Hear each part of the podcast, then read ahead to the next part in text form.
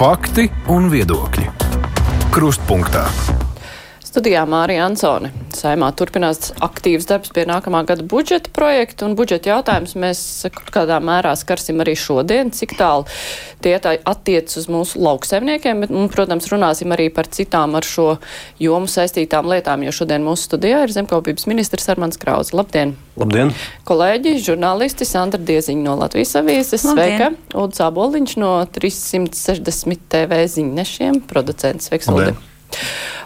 Klausītāji savus jautājumus var sūtīt mums rakstiski vai nu uz adresi kruspunktā Latvijas radio.lv, var arī sūtīt ziņu no mūsu mājas lapas. Bet es sākšu par aktuālo informāciju uz Polijas-Ukrainas robežas, kur tiek bloķēta satiksme, vai ir tur kāda jauna informācija par to, nu, cik tālu mūsējie tur ir iesaistīti. Iepriekš bija ziņas, ka tur varētu rasties mums 30 miljonu zaudējumu mūsu pārtiks ražotājiem, mūsu vispār pārtiks nozarei. Kādas ziņas ir jums, jūsu rīcībā?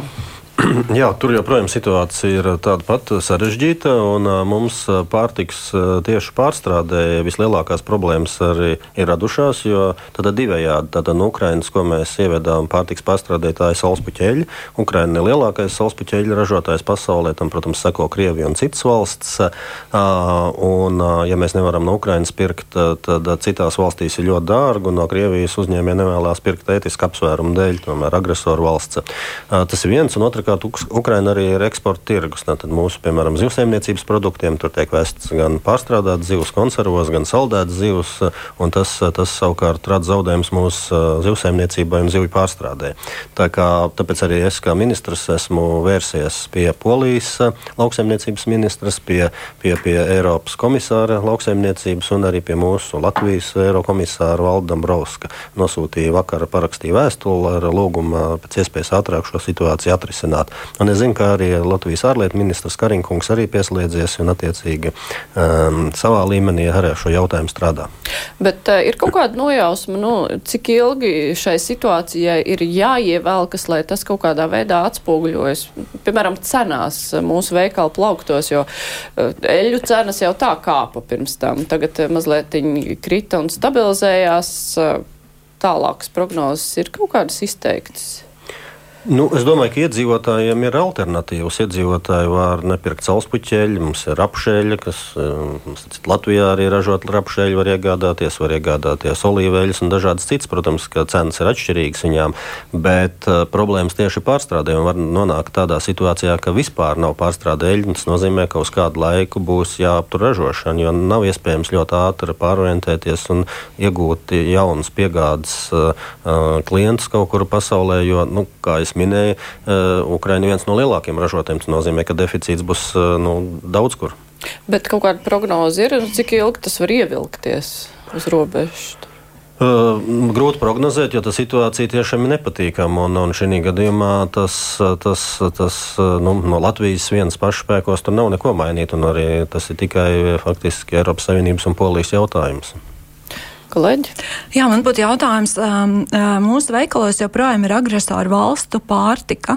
Un jūs iepriekš izteicāties, ka jūs mudināsiet uh, uzņēmumus tomēr nu, neievest šo pārtiku no Baltkrievijas un Krievijas. Vai ir kaut kāda informācija, vai tas ir noticis jau, kad nu, netiek ievests?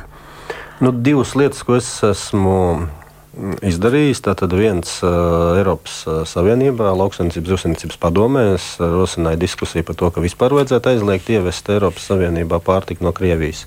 Tad mēs ļaujam tranzītā, lai gan graudi, gan nu, viss, kas iet tranzītā, lai iet, jo pasaulē uh, ir valsts, kur tiešām var izveidoties bats, ja mēs aizliegsim, bet savukārt Latvijā, man liekas, Eiropā nekur bats nav, mums nevajadzētu. Tas ir uh, viens, ko es esmu rosinājis. Un ar kādu rezultātu tas rosinājums ir? Nu, šobrīd es došos decembrī uz Eiropas padomu, un tad mēs atkal atsāksim diskusijas. Jo, nu, saprotiet, aizliegums Eiropas Savienībā ievest kaut kādus produktus, pieņem Eiropas līmenī. Tas nav viens valsts, Latvija vien nevar, Igaunija nevar pieņemt muitas, muitas visas procedūras un, un, un, un ierobežojumi attiecībā uz sankcijām ir tikai Eiropas līmenī. Tā kā otra lieta. Bet tur es... atsaucība ir kaut kāda? No, ir valsts, no kurām ir atsaucība, piemēram, mūsu kaimiņu valsts. Es ļoti pozitīvi ar lietuviešiem un ar igauniem aprunājos, bet dažas Eiropas dienvidu valsts skatās piesardzīgi. Un tas arī ir saprotams, jo graudi tiek importēti arī uz šīm valstīm, jau no Krievijas. Bet tas nav bezcerīgi. Tas ir grūti, tas ir tiešām ļoti grūti. Bet jāpievērš uzmanība, ja, ja nedara, tad arī nevar rezultātu sasniegt. Ja mēs darīsim un, piemēram, nesasniegsim, tad mēs zinām, ka mēs esam izdarījuši visu, lai kaut ko sasniegtu.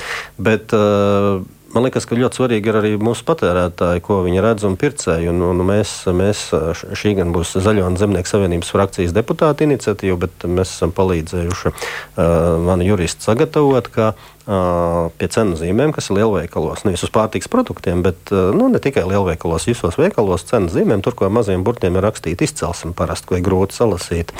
Tad uh, mūsu priekšlikums ir jāpievieno labi saskatāms karodziņš izcelsmes valsts. Man liekas, tas būtu tiešām, tas ir, nu, nu, pirmkārt, tas veicinātu to, ka patērētājs uzreiz ieraudzītu Latvijas produkts, un otrkārt, šādā veidā mēs arī uzreiz ieraudzītu, ja parādās Krievijas produkts, Baltkrievijas produkts, un, nu, protams, jebkuras valsts mēs nevaram diskriminēt un pateikt, ka tikai Krievijas karodziņa jāliek, ja tā, tur būs jebkuras. Un šis priekšlikums tiks virzīts, un tad, nu, es, protams, ceru, ka deputāts saima atbalstīs. Cik ilgā laikā šo varētu ieviest, jo tas tiešām ir ļoti svarīgi? Tie grozījumi likumā, nu, likumi var ļoti ātri, kā jūs ziniet, saimā var viens dienas dienas laikā. Es nedomāju, ka šo likumu izskatīs vienas dienas laikā, bet es ceru, ka nākošā gada sākumā tas uh, varētu tikt ieviests un ka uh, tad deputāti ar šo likuma projektu ātri um, strādās. Es gribu arī jautāt par uh, PVN, samazināto PVN augļiem un dārziņiem. Kāda tad ir īsti jūsu pozīcija par šo jautājumu, jo, jo lauksaimnieku organizācijas iestājās par 5%, jūs iepriekš izteicāties, par 12%. Nu, kā tad ir? Nu, pirmkārt, gan mana, gan arī Zaļo Zemnieku savienības pozīcija ir tas, ka mēs esam par uh, samazinātu PVN. Mēs nekad neesam teikuši 5 vai 12% samazināt PVN pārtikai, jo lielākā daļa Eiropas valstī ir. Te es atgādināšu, ka augļiem un dārziņiem uh, faktiski arī tieši Zaļo Zemnieku savienība bija tā, kuras laikā ievies. Un tas mērķis bija, es ļoti labi atceros, jo es tur biju klāt. Mērķis bija tātad pirmais uh, samazināt cenas, otrais apkarot ēnu ekonomiku, kas bija centrāla tirgus un viss, ko nāca iekšā šie, un trešais bija palīdzēt naudas plūsmu izlīdzināt. Es varu pateikt, ka cenas. Nu, būtiski samazinājušās nav. Tajā brīdī bija statistika, kaut arī PVN samazināja pa 16%, cenas samazinājās pa 10-11%, tad, tad kaut kur vēl daži procenti pazuda. Nu, tā teikt, kāds nopelnīja. Bet uh, tas, kas ir ļoti būtiski, ka pa šiem gadiem tiešām uh, tā ekonomika un tā tirzniecība bez dokumentiem, bez izcelsmes valstīm, kas bija nu, tirgos un visur, tā ir faktiski apkarot ļoti labi. Ja. Un trešais, šī naudas plūsma Uh, jā, nu, te ir tā, ka gan importētāji, tā skaitā, gan arī zemnieki, jā, kuri pārdod 5% uh, savu saražoto produkciju vai importēto, un savukārt visi izdevumi 21, tad viņiem valsts katru mēnesi skaita kaut kādu nelielu naudas summu, kā jā, PVN atmaksu. Un tas ir tas arī, kas, kas satrauc šajā brīdī visvairāk. Tad, tad gan šī nauda, kas nonāk tieši kontos, gan arī tas, ka varat atgriezties ēna ekonomika. Tas, ko mēs esam tomēr vērtējuši un esam pārliecināti, ka pie 12 50% izdevīgi nebūs, lai atgriezīsies ēna ekonomika. Un, un tāpēc arī nu, tas bija kompromiss. Jo, nu, kā jūs zināt, ja mēs neko nebūtu darījuši, tad būtu 21%. Faktiski mūsu vienošanās rezultātā nebūs 21%, kas jau bija fakts. Bet būs. Bet jums tas 12. Eh, tie apsvērumi, kā ēna ekonomika neatgriezīsies, ir eh, tādā vairāk sajūtu līmenī, vai jums ir dati, kas par to liecina? Mums ir dažādi aprēķini. Ir, ir tie, daži, kas saka, ka nē, ka viņi varētu pie 7, 8 atgriezties, daži saka pie, pie, pie kaut kādiem 10, 12, jā, nu, tad jau varētu sākt palikt izdevīgi. Jā. Jo tā, jā, tā lieta jau bija kāda, ka tā kā vēd iekšā, tad eh, vienkārši tajā nu, teiksim, Eiropas valstī konkrētā, kur jūs nopērkiet, jūs nopērkiet bez PVN, atvediet, ja, un šeit uzrādot, ka tā ir šī jūsu paša saražotā produkcija, tad no tās starpības varēja iegūt, tā teikt, nu, un neuzrādot, ka tā ir cits valsts. Ja. Un, mēs, mēs redzam, ka tomēr ar šiem 12% ka tas nebūs izdevīgi krāpties un ka viņi neatgriezīsies. Bet, kas te ir pa aprēķiniem, ja drīkst vaicāt, jo zemnieks saka, ka pie 7-8% jau ir interesi šiem palākajiem darboņiem, schēmotājiem nu, atgriezties pie tā savu vecā rūpala. Nu, zem, nu, tāda paša zem, kā zemniekiem, zemnieku organizācijām. Es šajā gadījumā gribētu teikt, ir eksperti. Tāpat arī mums ir eksperti, kas ir rēķinājuši, un, un es saku, tie viedokļi ir dažādi. Un tāpēc, tāpēc, un galvenais, kāpēc mēs arī nu, nepiekrītām 21%, jo tad gan ir fakts, ka tas atgrieztos. Un tāpēc šis ir viens gads. Mēs ar citu esam vienojušies ar Finanšu ministriju, ka mēs tajā gada laikā arī sekosim līdzi un uh, monitorēsim, ko ministrija sagatavos ziņojumu.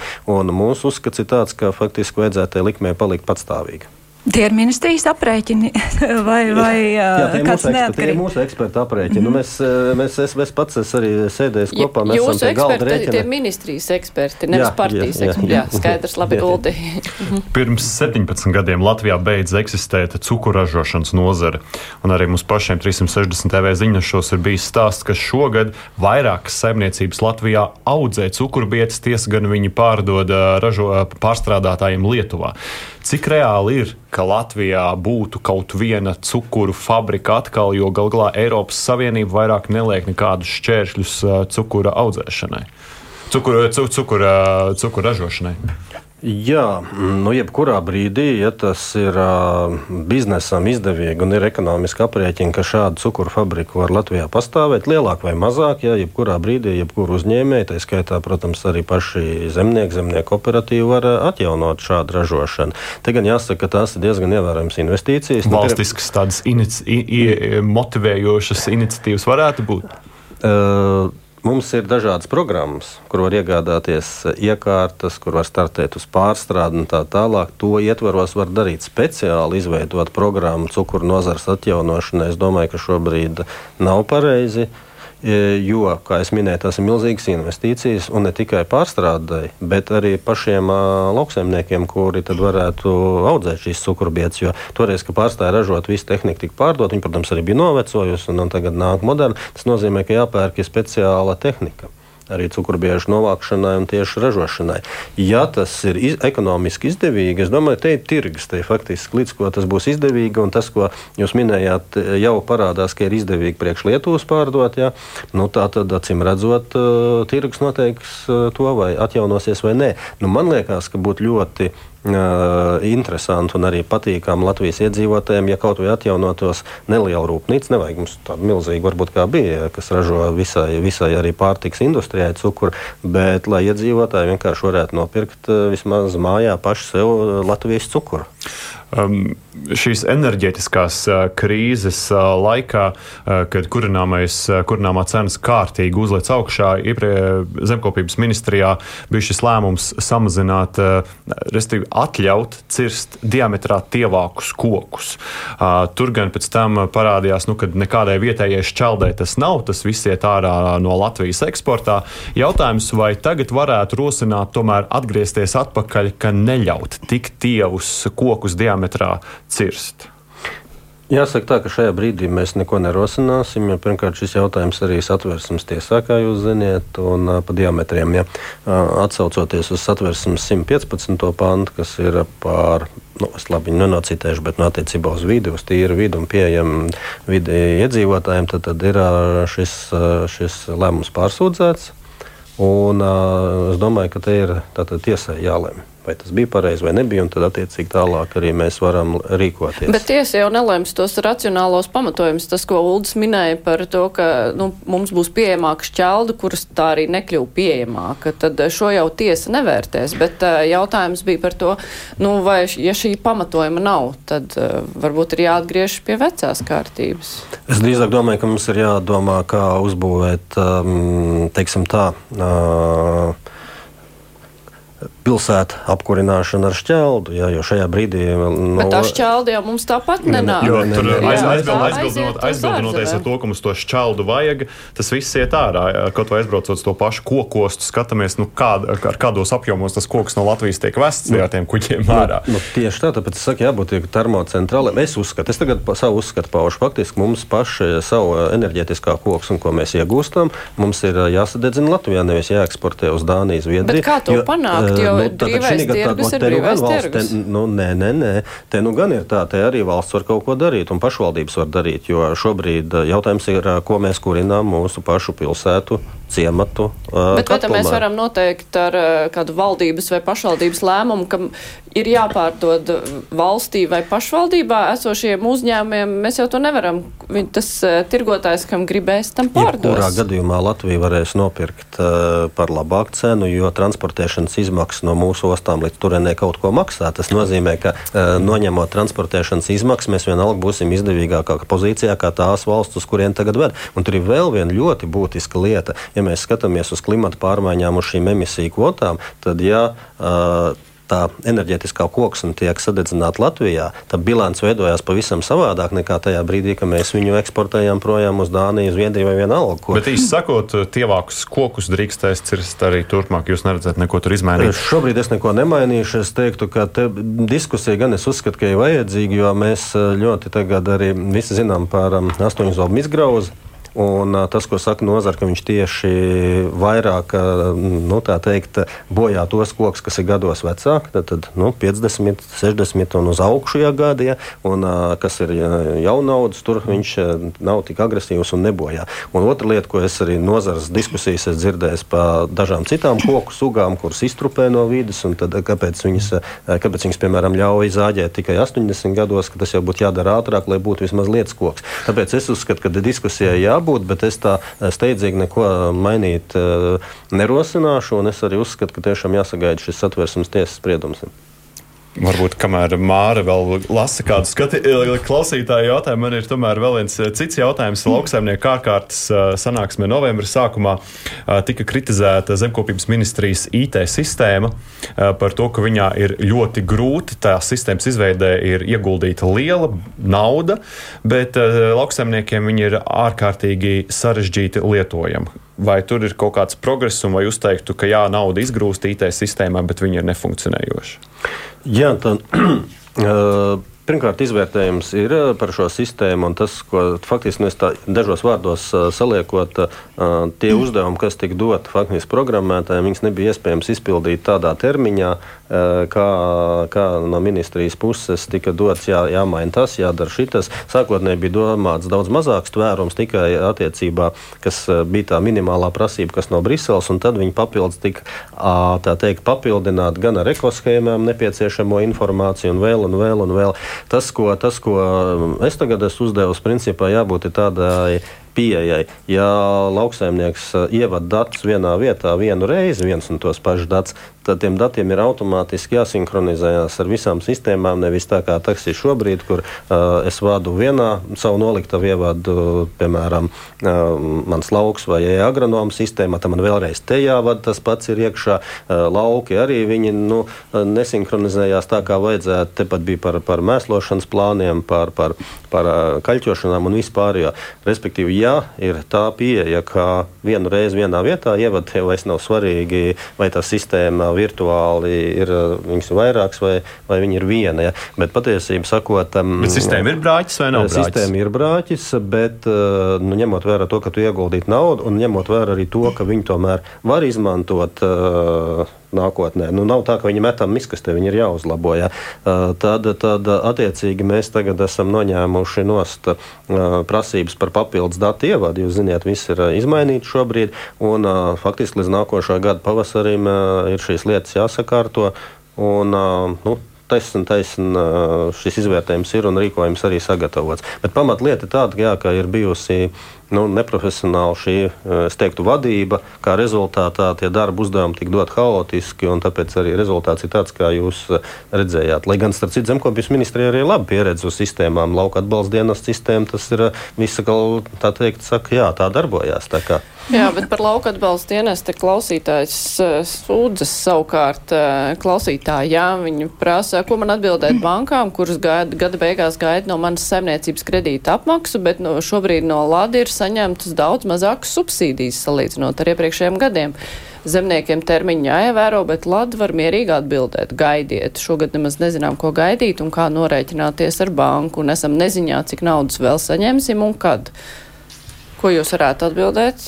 Tur jau nav vainīgs lauka atbalsta dienas. Tas ir tas, ka ir jaunais plānošanas periods un ir ļoti liela neskaidrība. Un tajā brīdī, kad es nebiju vēl ministrs, es varu atzīties, ka man pašam bija diezgan neskaidrs, kā, kā kopējā tā aploksne veidojās lauksaimniekiem.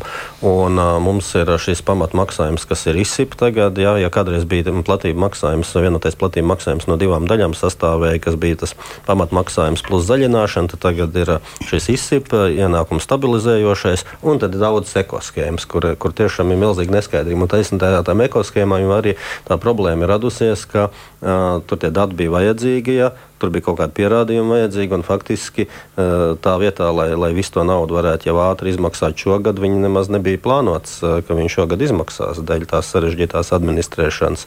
Un tas, ko mēs esam izdarījuši, mēs, piemēram, attiecībā uz pirmo ekoshēmu, tur tiek pārprogrammēta sistēma, lai varētu jau avans maksājums izmaksāt šogad.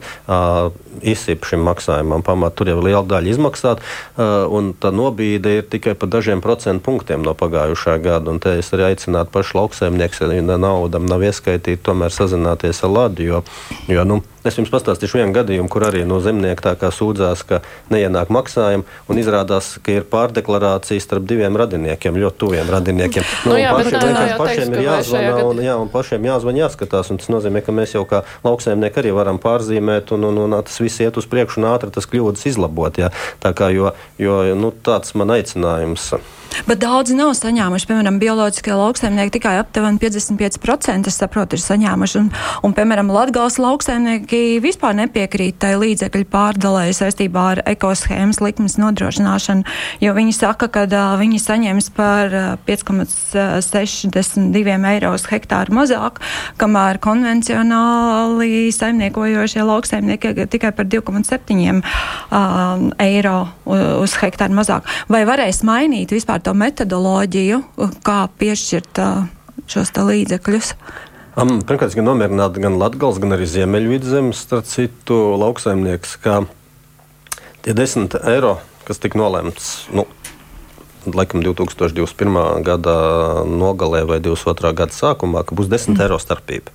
Tāpēc attālināt novadu, tātad, kas ir prom no, nu, tā teikt, un ir īpaši apstākļi tajos novados, grūtāk piemaksa 10 eiro. Šī 10 eiro piemaksa arī būs.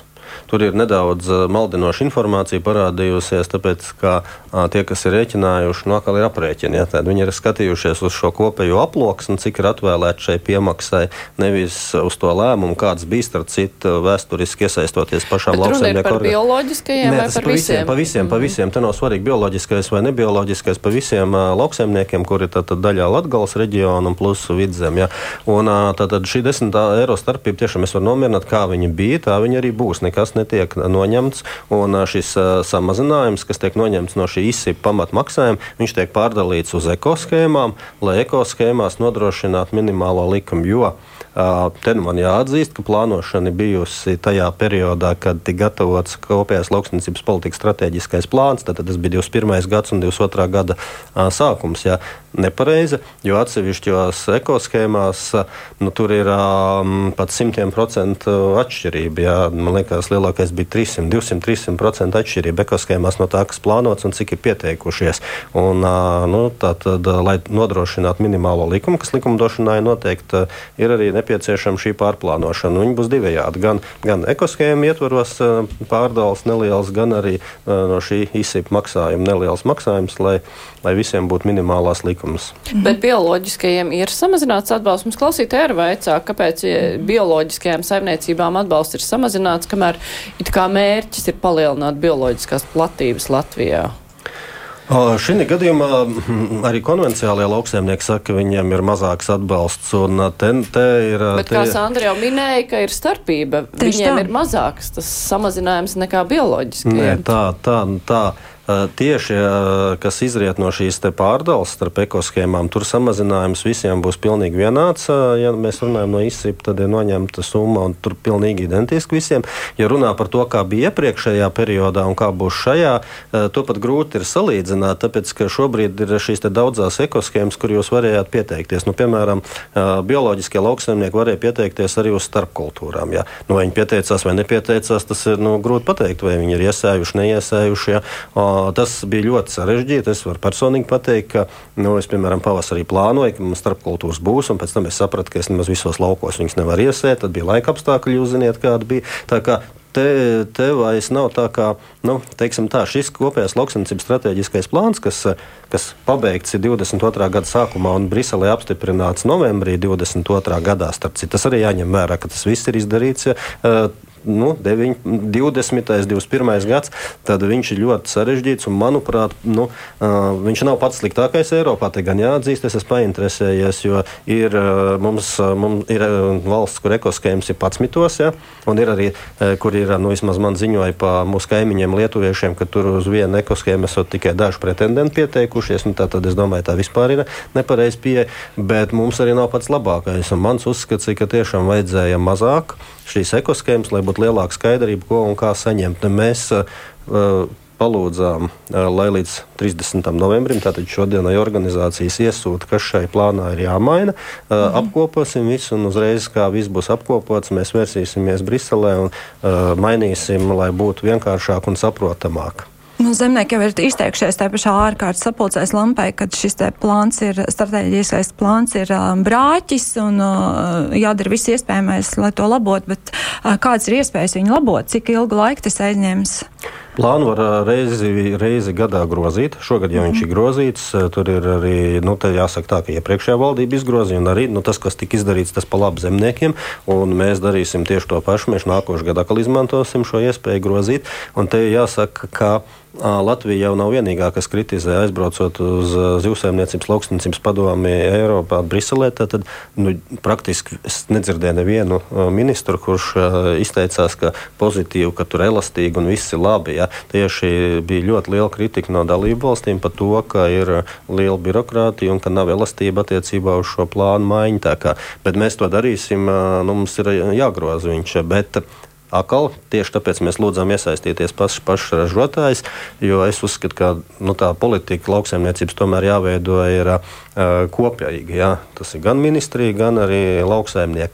Tas, kas man jā, gan jāpiebilst, ka tajā laikā, kad šis plāns tapa, tas arī ir kopīgs darbs. Jo, nu, tur bija ļoti daudz darba grupas. Es vienkārši toreiz biju tikai, tikai zemnieks, ja, un es no malas vēroju, kā organizācijas darbojās. Es arī izteicu savus komentārus, bet es zinu, ka pie šī plāna izstrādes visur ir bijušas klāt arī organizācijas. Vai viņas ņēma vērā, neņēma vērā, tas ir cits jautājums, kā, kā viņš, kāda bija šī sadarbība. Bet eh, kopdarbs tas ir. Klausītāji pārmet, ka tiek uzklausīti tikai zemnieku saima, nevis arī citas lauksaimnieku zemnieku organizācijas. Varbūt nu, uzklausa, es, bet neņem es, vērā. Es varu piebilst, ka zemnieks saimnes saka, ka viņi arī netika uzklausīti. Jautājums, kurš eh, tika uzklausīts. bet uh, par atbalstu Runājot, klausītājs vaicā, ko darīt augļkopiem, kuru ražo, ražu iznīcināja 7. augusta lielgraudu krusa, jo toreiz jau tā arī nenonāca pie kaut kādiem lēmumiem par atbalstu, un viņi arī nevar apdrošināt neko. Tieši, jā, tieši zemgales zemnieki arī jautā,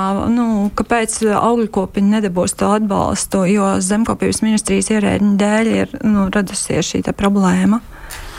Nu, atbalsts, tas, kas tika piešķirts no Briseles, viņš tika sadalīts, bet apsekojums un arī tie zaudējumi, kas bija pavasara salnās. Tad, tad tur bija gan lopkopībai, gan augļkopībai, no nu, salna, sals faktiski pavasarī bija. Līdz ar to tad jautājums par 7. augusta jā, krusu. Jā. Tur lielākā daļa, protams, ir cietuši graudaugi un dažādas citas eh, arī labdarības kultūras. Ja.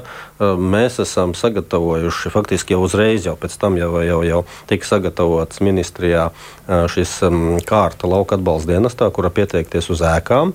Otra lieta, tas, ko es solīju, ka es sāku kā ministrs, es solīju, ka būs pieejama kredītprocenta speciāli lauksaimniekiem, un to es arī varu tagad apliecināt, ka Altumā ir šī programma apgrozāmiem līdzekļiem, sākot no 3,5%. Un atgādināšu vēl vienu lietu, ka nākošo gadu mēs arī plānojam, jo budžetā ir palielināta nauda valdība ir piešķīrusi papildus līdzekļus kredītprocentu dzēšanai. Kopā nākošais gads būs 24 miljoni šajā aploksnē. Un, ja vēl zemnieks piesakās uz kredītprocentu dzēšanu, tad faktiski nu, visi tie, kuri ir cietuši un kur šai krīzē, viņi var apgrozāmos līdzekļus iegūt nu, teiktu, pa 0%. Tā kā, nu, vai tuvu nulē, ja tas ir, un tas ir ļoti labi nozarē, un tas ir tas, ko es arī sākumā solīju. Es zinu, ka um, atsevišķi lauksaimnieki kas ir cietuši, viņiem situācija ļoti smaga, viņi prasa, lai izmaksā kompensācijas. Uh, nu, šāda līdzekļa zemkopības ministrijā nav, un jau kopš 2017. gada Uh, tomēr ministrijas politika bijusi, tad, nu, to arī paši lauksaimnieki saka, ka mums ir jāiet uz apdrošināšanu, uz to arī ir iet. Šajā gadījumā nevar viņam apdrošināt. Šo, jā, šajā, nu, un, bet tā, un, tad, un viss, viss ir bijis uz apdrošināšanu. Tas, kas mums, kas man liekas, un man viens no, no uzdevumiem, ko jau es esmu runājis ar uh, saviem kolēģiem, ja ir tātad, kaut kāds nozars, ko nevar apdrošināt, mums tomēr ir jādomā par fondu veidošanu. Tas ir atmests kopš tā laika, nu, kad mēs aizgājām no 17. gada virzienā uz apdrošināšanu un uz daļai, daļai šo izmaksu dzēšanu no valsts puses. Tad tas nav darīts. Bet ja, ap, tad, tajās, tajās vietās, kur, piemēram, nevar apdrošināties, tad mums ir jāveido fonds, jāatgriežas pie šīs vecās idejas, kad atsevišķus riskus tomēr uh, nu, sedz no fonda. Bet es teiktu, no speciāli izveidot fondu, kur ir skaidri zinām kritēriji, nevis no valsts budžeta, kas ir visu nodokļu maksātāja nauda. Jo, jo nu, man ir, es saprotu, ka krusa bija ļoti briesmīgi. Viņi gāja ja joslā pāri, dažām 95% ciet, dažām arī 50%. Bet, ja mēs tagad paskatāmies, piemēram, Ziemeļvidzemes virzienā, tad ļoti daudz nenoklot lauku, griķu lauku no, no, noklot. Un tas arī nu, faktiski ir ieņēmumi pilnīgi nulle. Vienkārši, jo nu, bija tāds rudens, kā bija, un viņi palika stāvot šobrīd joprojām. Tad, tad tāpat ir. Ja šī gadījumā bija krusts un ieņēmumi nulle no lauka, tad arī paskatoties uz Ziemeļvidzemi. Bet nu, griķu audzētāji un augļkopi ir eh, citā situācijā no tā viedokļa, ka, ko apdrošina un ko neapdrošina. Jūsu priekšgājējiem gan bija arī attieksme, nu, tas ir biznesa risks, un nevienmēr valstī vajag iesaistīties. Eh, nu, arī tad, kad uh, piena lopkopji uh, runāja par katastrofu, gan par nezinu, ganāmpulku izskaušanu, tad es sacīju, nu, tas ir biznesa risks, ar to jārēķinās. Kā jūs, kā, kāds tas tā jūsu pozīcija? Vienkārši biznesa risks, un tā tas notiek, jā, var nākties bankrotēt, vai, vai jūs teikt, nē, valstī ir jāskrien, jāglāb ar valsts budžeta, ar, ar nodokļu maksātāju līdzekļiem tur katra saimniecība. Es teicu, tam jābūt speciālam fondam, kur attiecīgi iemaksā, un tad te būtu arī jāiemaksā visticamāk pašiem lauksaimniekiem, jo nevaram mēs visu tikai uz valsts budžeta un uz nodokļu maksātāju naudu. Tas ir skaidrs, un, un tāpēc pareizi būtu, ka tādā fondā krātos līdzekļus tiem riskiem, kur apdrošinātāji nu neiet. Jo, jo nu skaidrs, ka viņi kaut kāda apsvēruma dēļ biznesa tur nav. Apdrošināšanas kompānijām tas ir uzņēmē darbība normāli, un viņiem ir jānopelna. Ja viņi nevar nopelnīt, viņi tur neies. Un, tur ir jā, jāpieslēdzās jāveido fonds. Tas nav viegls uzdevums jo tas, tas nozīmē, ka ir kaut kāds iemaksas jāveic. Un, un vēsturiski līdz šim, protams, nav izdevies vienoties un panākt tādu normālu modeli, ka tas varētu darboties ilgtermiņā. Bet nu, šis gads, man liekas, nu, bija ļoti īpašs un, un parādīja, ka tie riski ļoti daudz un ka viss nav apdrošināms, ka to vajag darīt. Un es domāju, ka nu, gan es no savas puses, kā ministrs, gan arī organizācijas lauksaimnieki, viņas piekritīs atstāt šo diskusiju. Un, Nu, piemēram, es, ja es skatos, es pats kā lauksaimnieks, es būtu gatavs maksāt kaut kādu naudu. Tas būtu tāds solidārs maksājums visām zemnieku saimniecībām? Ne, nu, tad ir jārunā vai nozares saimniecībām, vai, piemēram, nu, es nedomāju, ka būtu, piemēram, graudkopiem jāmaksā pa augļkopiem. Tad šeit ir, šeit ir jāveido sistēma, pa ko es šobrīd uh, nevaru pateikt, kāda viņa uh, varētu būt, bet es tiešām vēlos uzsākt diskusijas par šo Tāpēc tas ir nepieciešams. Mans uzskats ir tāds, ka jāpalīdz ir. Jūs teicāt, ka iepriekšējais ministrs teica, ka nevajag, ne valstī ir jānāk palīdzīgā, bet ne ar nodokļu maksātāju naudu lielā apjomā. Nu, nevar. Nu, tāpat šī gadījumā mēs skatāmies šie paši kredītprocentu dzēšanu. Tātad tur ir gan Eiropas nauda, gan arī mūsu paša nauda. Tā ir nodokļu maksātāja nauda un tā ir reāla palīdzība. Jā. Tā kā, bet izmaksāt kompensācijas pa hektāriem, nu, tur ir tas sliktais piemērs 17. gadā, kuram vajadzēja, kuram nevajadzēja, pēc tam pacēlās publiski strīdi strīdi. Nu, tas bija tie plūdi, kur tur bija. Nu, tas tas bija, nebija, nebija patīkami nedz arī domāju, tiem, kas saņēma, un nedz arī sabiedrībai. Nu, tādas lietas nepatīk. Tāpēc ļoti skaidra sistēma saprotami kritēriji. Nu, piemēram, ieņēmumu krituma saimniecībā nu, nokrītās ieņēmumi ir kaut kādiem procentiem klimatisko apstākļu ietekmē, un tad ieslēdzās kaut kāda mehānisma vai cieši, piemēram, kaut kāda procenta no, no sējumiem. Ieslēdzās kaut kāda mehānisma. Tā jau arī nevar būt, ka, piemēram, nu, uznāk krusts un tur 5% no sējumiem cieši un uzreiz kāds nāk palīgā. Un tā ir vecā, vecā, vecā Seno, no senāk, tā kā nebija šī apdrošināšana, tad es atceros ļoti labi, ka nu, ik pa gadam maksāja šīs kompensācijas, un tad bija zemnieki, kas man personīgi teica, nu, zini, jā, nu, manā pusē jau viss bija kārtībā, bet ļoti labi, ka izmaksāja. Nu, tas nav godīgi. Man liekas, ka tas nav godīgi, ka uh, vienam tā nauda tiešām ir vajadzīga, un otram viņa, viņa nav vajadzīga, bet saņem. Un un tāpēc... Tas ir arī uz konkurences attiecās. Jā, man ir maza pauzīt jāuzstājas atgādinot klausītājiem, kuri uh, varbūt vēlāk ir ieslēgti ieslēguši radioaparātus par eh, to, ka mūsu studijā šodien ir zemkopības ministrs Armāns Krauze. Gan arī pateicu Arnēs Krausa kolēģi. Jā, un mani kolēģi no citiem mēdījiem, no Latvijas avīzes, Sandra Dieziņa, Ulds Aboliņš no 360 TV. Mēs tūlīt turpināsim un arī ar klausītāju jautājumiem. Raidījums Krustpunktā. Jā, Sandra gribēja Jā, sākt. Es par augļkopiem, jo šogad tās pavasaras salānas nodarīja liels postījums, un dažās vidzemes saimniecībās pat 90% nav novāktas ogas. Un jūs jau pieminējāt, kad nauda ir paredzēta, bet es saprotu, ka vēl nav saņemta šī nauda. Un līdz 1. decembrim augļkopi var pie, iesniegt savus pieteikumus, vai tas tomēr neliecina par to, ka nu, tas ir nesaulaicīgi? Redziet, naudu piešķīra, ja nemaldos, jūlijā. Tad sākās lielas debates, kā to naudu teikt, sadalīt. E, tajā brīdī, kad e, tika apstiprināta jaunā valdība un es kā ministrs, tad bija lēmums par pirmo daļu, par augļkopiem, bet nebija lēmums par otro daļu, par lopkopību un, un, un, un piensaimniecībām. E, ļoti ātri, faktiski nedēļas laikā, mēs pieņēmām lēmumu, kā tur šos līdzekļus sadalīt, noziņojam Briselē oktobrī tika pieņemti noteikumi, un tagad, protams, ir arī laiks, lai paši lauksaimnieki varētu pieteikties. Tā kā, jā, ja būtu ātrāk panākt vienošanās vasarā uzreiz, kā mēs to naudu dalām, tad būtu rezultāts. Tajā kā jāsaka, tā, ka tur bija atšķirīgi viedokļi un vēlējās apgrozāmiem līdzekļiem novirzīt šo naudu, ko Brisele neļāva. Un tāds arī nebija mērķis. Mērķis bija tiešām izmaksāt kā palīdzību zemniekiem. Un man liekas, ka šoreiz šī Briseles nauda ļoti mērķiecīgi nonāks, jo gan augļkopiem platības ir apsakots, reāli apsakots, cik ir cietušas, kādā apjomā ir cietušas, un tad, tad saņems tikai tie, kas ir cietuši.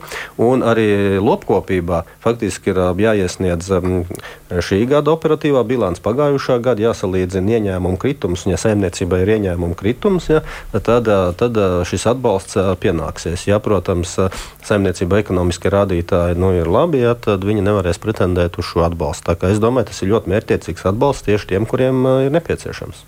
Mums klausītāji vairāki vaicā, vaicā par medus tirgu.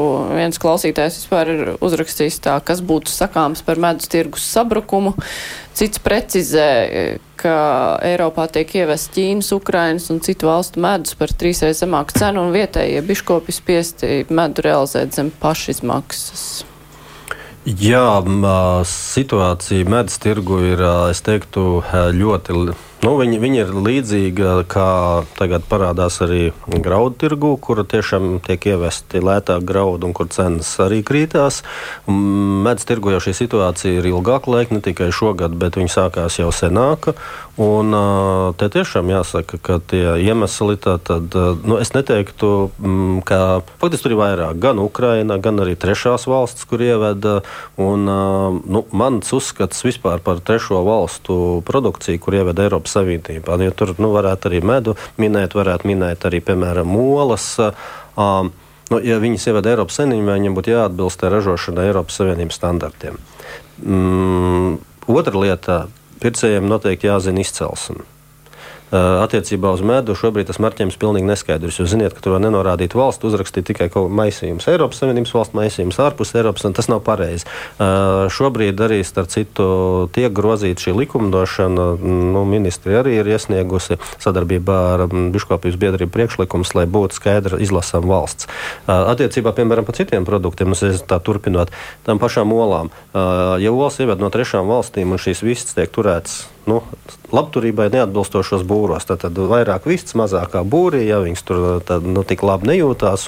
Pat es tā teiktu, nu, kā, kā mēs esam redzējuši video, tur spalvas nav un, un plikas. Ja, tad, tad mums Eiropā ir standarti, kur ir uz vienu vistu lielāka platība vajadzības, kur ir milzīgas naudas ieguldījuši mūsu uzņēmēji, bet tai pašā laikā Eiropā ievērt šo trešo valstu olas un tur ar maziņiem burtiņiem malā rakstīts uz kastītes. Ja jūs veikalā apskatīsieties, ka dējai visu turēšanas metode neatbilst ES labturības prasībām. Bet, nu, bet, ko, liekas, tur, bet ka, ko tur darīt? Nu, Kā tas, lai panāk, lai atbilst eh, gan tas medus mūsu standartiem, tad, gan tā vistu turēšana? Nu, tā, tā, tas ir tas, ko es saku. Es uzskatu, un mēs arī tā, šo, ar šādu ziņu arī iesim Briselē, ka mums to, ko ved Eiropas Savienībā iekšā, tos pārtiks produktus, viņiem ir jābūt ražotiem pēc tikpat augstiem standartiem kā Eiropā. Otrakārt, ja kāds kaut ko ieved, tad tam marķējumam jābūt nevis mikroskopiskam, kur ir bez brillēm neko nevar izlasīt, ja, bet labi saredzamam priekšpusē.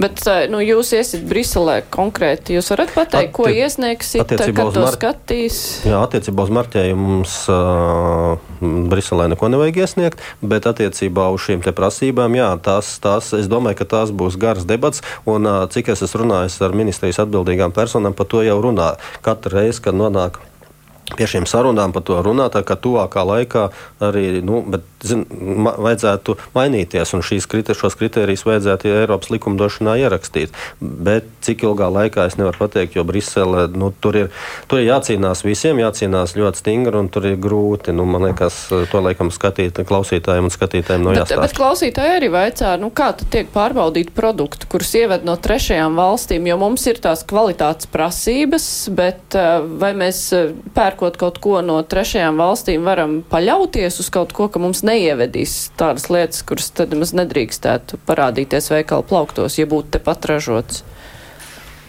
Jā, nekaitī, nekaitīguma prasībām noteikti pārbauda, slimībām pārbauda attiecībā uz kvalitāti. Nu, šī gadījumā daž, ir atsevišķos gadījumos ir atkāpes, un tad, tad, tur jābūt skaidri redzamam tam marķējumam, tas, ko es minēju kolēģi. Es par, es par PVN uh -huh. vēl gribētu pajautāt, vai jūs pieļaujat situāciju, ka nākamgad uh, varētu būt tie 12% un, un, un tad jau 25. gadā valdība vēlēsies atgriezties pie 21%?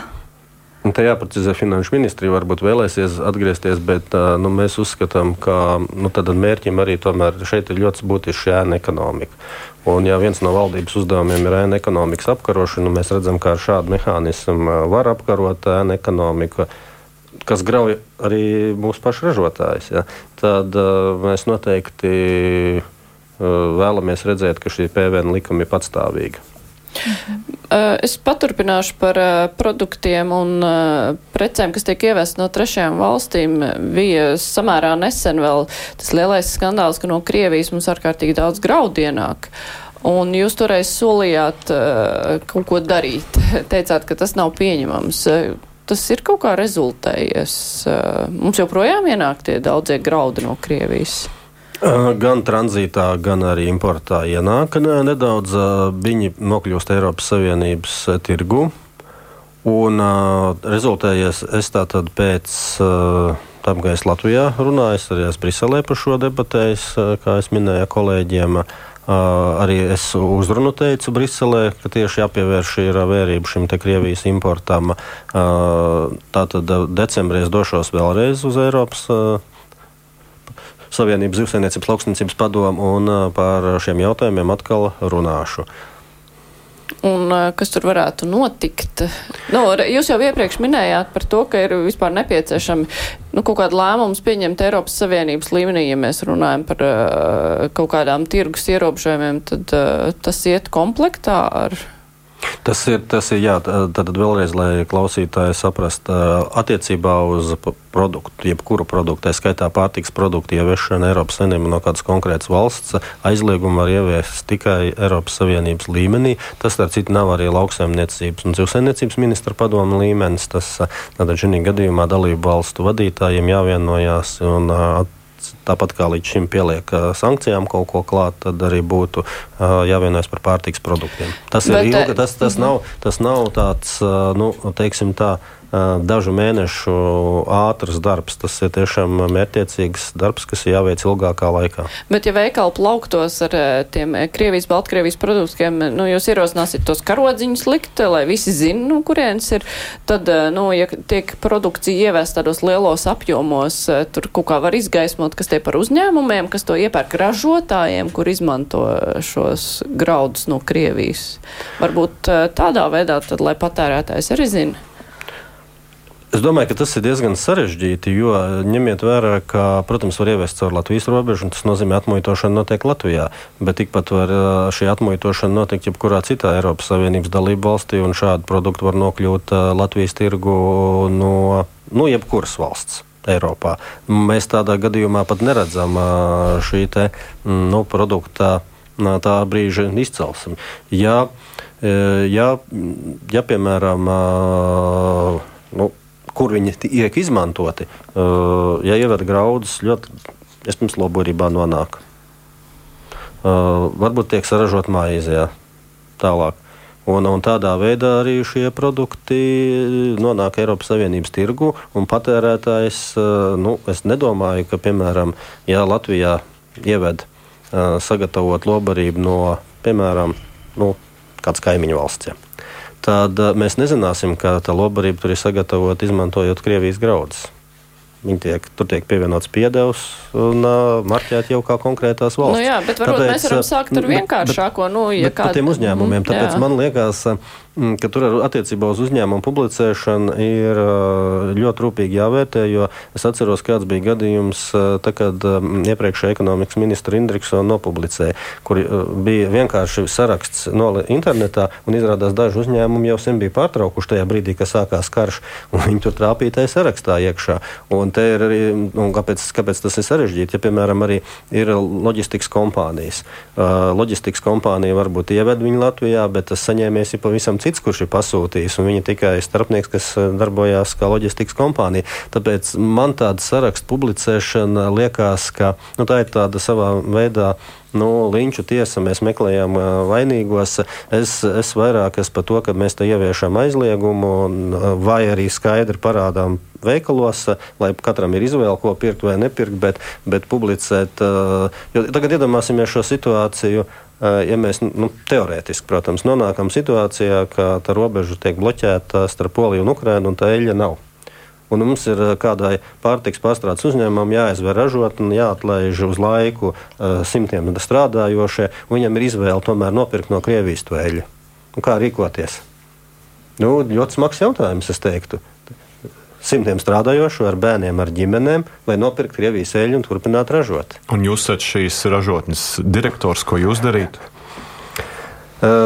Ziniet, es ražošanu nepārtrauktu, tāpēc ka man tie simtiem darbinieku ar bērniem, ko tomēr ir svarīgāki. Tad jūs tomēr ievestu. Uh. Es, pirmkārt, es meklētu no Eiropas Savienības valstīm, bet es, es vēlreiz uzskatu, ka man ir svarīgāk, lai tomēr Latvijas iedzīvotāji būtu nodarbināti, nevis zaudētu darbu vienkārši un aizietu bezdarbniekos. Un tāds populistisks jautājums ir drīkst uh, par pesticīdiem.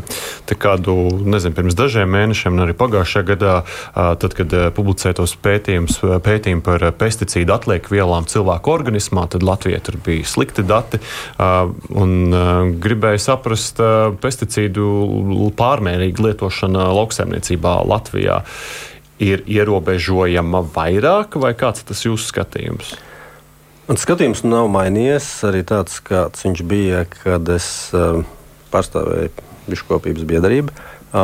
Visiem mums ierobežojumiem jābūt balstītiem uz zinātniskos pētījumos. Ja ir kāda pētījuma, kas pasaka, ka tur ir riski vai, vai kāda bāža, tad, piemēram, nu, tad, tad nevajag gaidīt, ka kāds uh, cieš, saslimst vai nomirst, bet mums ir jāierobežo. Uh, labs piemērs ir par glifosātiem. Tad, tad bija ļoti daudz dažādu pētījumu, bija šīs bažas.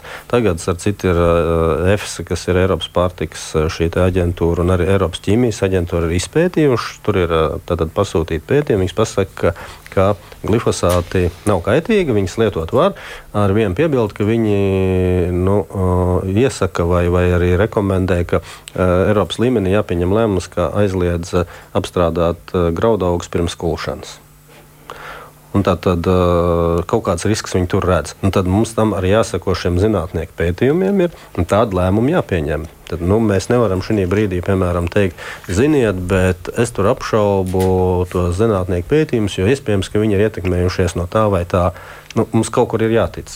Tātad, ja tas ir oficiāli iestāde, oficiāli pasūtīta pētījuma, tad viņiem ir jātic. Un šī gadījumā šis uh, ieteikums man liekas par šo glifosātu aizliegumu pirms kulšanas, viņš ir Nu, viņš ir labs, jo mēs zinām, ka bija debats par to, ka atrod atliekas mūsu organismā, atrod pat alu atrada. Ja?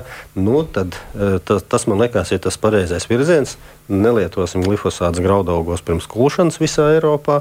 Nu, tā tad e, es atlieku vielas arī nebūs. Un, e, man liekas, Bet tas ir tāds šobrīd tāds čomisks aicinājums. Nē, tam ir no, nu, nu, čomisks secinājums nevar būt no Eiropas oficiālām uh, aģentūrām. Ja. Tas, tas šī gadījumā uh, tas ir viņu fakti viedoklis, un uh, lēmums jāpieņem, protams, ir politiķiem Eiropas Savienības līmenī, un viņš arī tiks pieņemts. Mm. Uh, vēl mazliet no iepriekšējās ministrijas mantojumiem, iepriekšējā ministra mantojumiem. Uh, uh, Digis Šmita laikā no ministrijas nāca ierosinājums par lielveikalu slēgšanu svētdienās, nu, apsvērt uh, tādā līmenī. Uh, tas ir bija domāts inflācijas samazināšanai. Jūs uh, vēl septembrī nemaldos minējāt, ka domāsiet par to. Vai esat kaut ko izdomājis? Jā, bija arī pasūtīts pētījums. Es gan pirms šī raidījuma neesmu rūpīgi iepazinies, bet tie galvenie secinājumi ir uh, uh, par to, ka, ja mēs kaut kādā veidā uh, slēdzam lielveikals, tas arī ietekmētu, protams, mūsu pašu Latvijas vietējās produkcijas nokļūšanu pie Latvijas iedzīvotājiem. Jo nu, visu veikalu tirgo vienādi, gan importu, gan, gan, gan Latvijas vietējo produkciju. Tikai tirdziņā mēs varam nopirkt patiešām no zemnieka tikai vietējo, bet uh, gan maza, gan liela veikala viņi tirgo gan importu, gan vietējo. Un otra lieta, kas man uh, ļoti būtiska, es teicu, es arī, tad, tad, kad es to vērtēšu, ja, uh, kā, kāda ir ekonomiskā ietekme. Un, un, un šī gadījumā es saprotu, ka arī šī ekonomiskā ietekme nav pozitīva. Un, uh, tāpēc es esmu joprojām ļoti skeptisks. Es varu um, nu, apsolīt to, ka uh, šo ziņojumu es iepazīšos kārtīgi, jo es nebiju gatavojies šodien par to runāt. Un tad arī es savu viedokli paudīšu. Bet es esmu diezgan skeptisks par lielveikalu slēgšanu. Bet ekonomiskā nozīme, nu, kādā ziņā, jo tās, tā ideja jau bija tāda, nu, lai to inflāciju piebremzē paredzēts, tad kopumā ekonomikai jau tas varbūt nāktu pa labu šobrīd. E, nē, nē? Tas, tas nepiebremzēs inflāciju. Te, te es vairāk to redzēju. Tā, pirmkārt, pirmkārt, ļoti svarīgs tas ir iedzīvotāju viedoklis, vai, vai paši iedzīvotāji vēlās, lai tie veikali būtu slēgti. Jo kāpēc politiķiem būtu jāslēdz lielveikali, ja iedzīvotāji nevēlas? Uh, Nu, Polijā mierīgi slēdz un nekāda Īstenībā jau ideja bija tāda, lai vairāk cilvēki iet uz mazajiem veikliņiem. Un, un arī, arī dzen. Jā, bet es vēlreiz atgādinu, ka importa produkcija tiek tirgot gan mazos, gan lielos veikalos. Nu. Un mums ir svarīgi, lai vairāk patērē Latvijā saražoto produktu. Un, jā, tā man drīzāk aicinājums lielveikaliem nu, vairāk pirkt Latvijas produktus. Un es domāju, ka arī šī, nu, ja šīs saimnes deputāti nolems un tiešām būs šī vizuāli ļoti labi redzama, kuras valsts produkts ir karodziņa, ka tas, tas varētu tā teikt nākt pa labu Latvijas produktiem. Izvēlēsimies Latvijas produktus. Mums, svarīgi, mums gan te klausītāji aizrāda, ka, nu jā, Vai tad uz iepakojuma, ja, ja, ja, ja preces apako Latvijā, bet uh, izmanto tur kaut kādus produktus, kas tur ir iekšā ievest no kaut kurienes citurienes, tad varēs teikt, tas ir Latvijas produkts, bet īstenībā izcelsme varbūt tur daļai ir nemaz ne Latvijas. Un tieši tas pats par citām valstīm. Bet, nu, jā, klausītājs. Bet tas ir tikai par pārtiks produktiem, starp citu, runa nav par nekādiem citiem, tikai un vienīgi pārtika. Jā, labi. Mums arī vairāk laika nav. Man tā ir jautājums, vai... Nē, mums, eh, diemžēl, nav. Mums ir 45 sekundes palikušas tikai. Tāpēc man ir laiks tikai pateikt paldies zemkopības ministram Armandam Krauzem, Sandrai Dieziņai no Latvijas avijas, Uldinām Uldim Aboliņam no 36 TV ziņnešiem. 360. Jā. 360, protams, mēs taču paplējam. Jā, rīt kruspunktā mēs, kā parasti piekdienās, nedēļas aktualitātes apspriedīsim. Pāris no tām var pieminēt Jurmals caurlaides. Runāsim par tām un arī par to, ka partijas jau sāk gatavoties Eiropas parlamenta vēlēšanām. Mēs esam pirmos kandidātus jau dzirdējuši, tā kā sāksim runāt, vai ir mainījušies akcenti. Uh, nu, kā bija pirms pieciem gadiem un kā ir tagad. Radījums ar to izskan producenti Ievzējas studijā bija Mārija Ansona. Vislabāk!